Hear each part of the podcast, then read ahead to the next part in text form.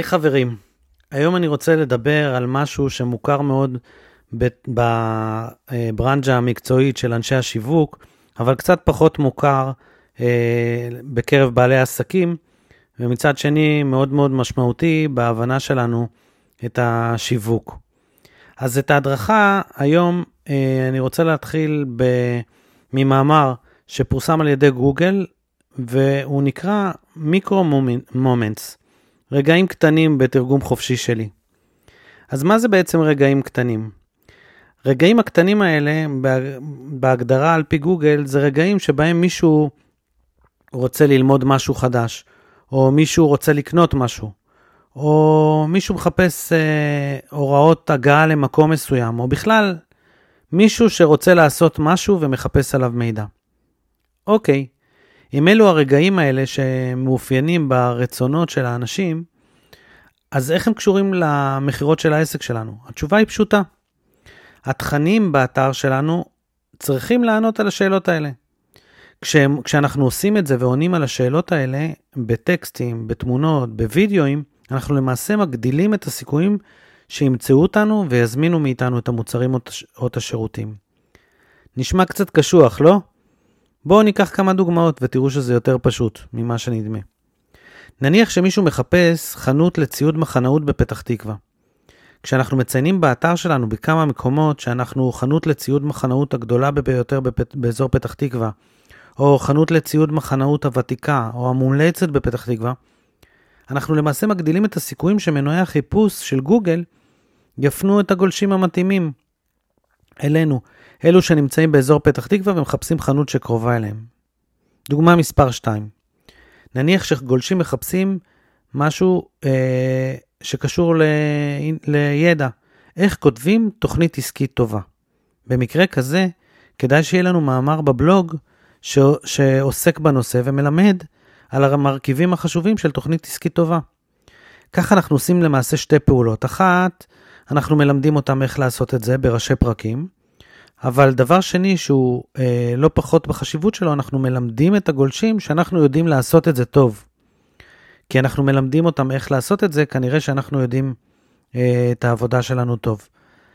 ודרך אגב, במאמר כזה, רצוי גם שאם יש לנו מוצר שקשור להדרכה או ממש לבנייה של תוכנית עסקית טובה, אז בתוך אותו מאמר של בלוג תהיה הפנייה לדף המוצר, כדי שמי שיחליט לא לעשות את זה בעצמו יוכל לקנות מאיתנו את השירותים המתאימים לו. דוגמה שלישית, נניח שיש לנו בית ספר לצניחה חופשית, אבל שאחת מההתמחויות שלנו זה אה, ילדים.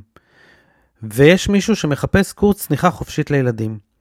כשאנחנו מגדירים עמוד מיוחד שמתייחס לקורס הזה שמיועד לילדים, הרי שהגדלנו את הסיכויים שנקפוץ אה, בגוגל לפני המתחרים שלנו, שלא טרחו לפרט שהם עושים ומתמחים גם בקורסי צניחה לילדים, אלא רק רשמו באופן כללי קורס צניחה חופשית, בלי להזכיר את המילה ילדים.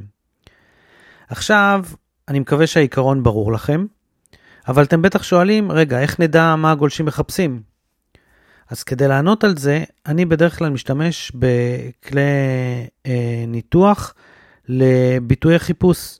אני מאוד אוהב להשתמש בזה של גוגל, אבל יש עוד כל מיני מתכננים אה, עצמאיים אחרים בתשלום, ואולי גם כאלה שחינמים. אני כאמור אוהב להשתמש בגוגל.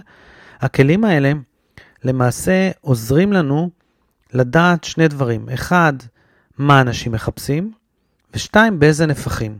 אנחנו מתחילים לעבוד בהם כשאנחנו מכניסים את הביטויים שאנחנו חושבים שאנחנו רוצים לקפוץ עליהם.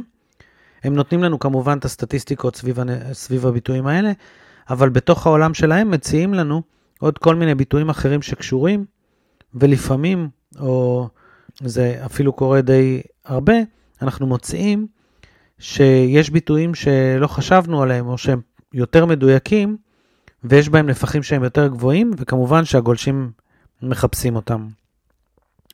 הכלים האלה, דרך אגב, טובים באופן כללי לקידום אה, אורגני וממומן.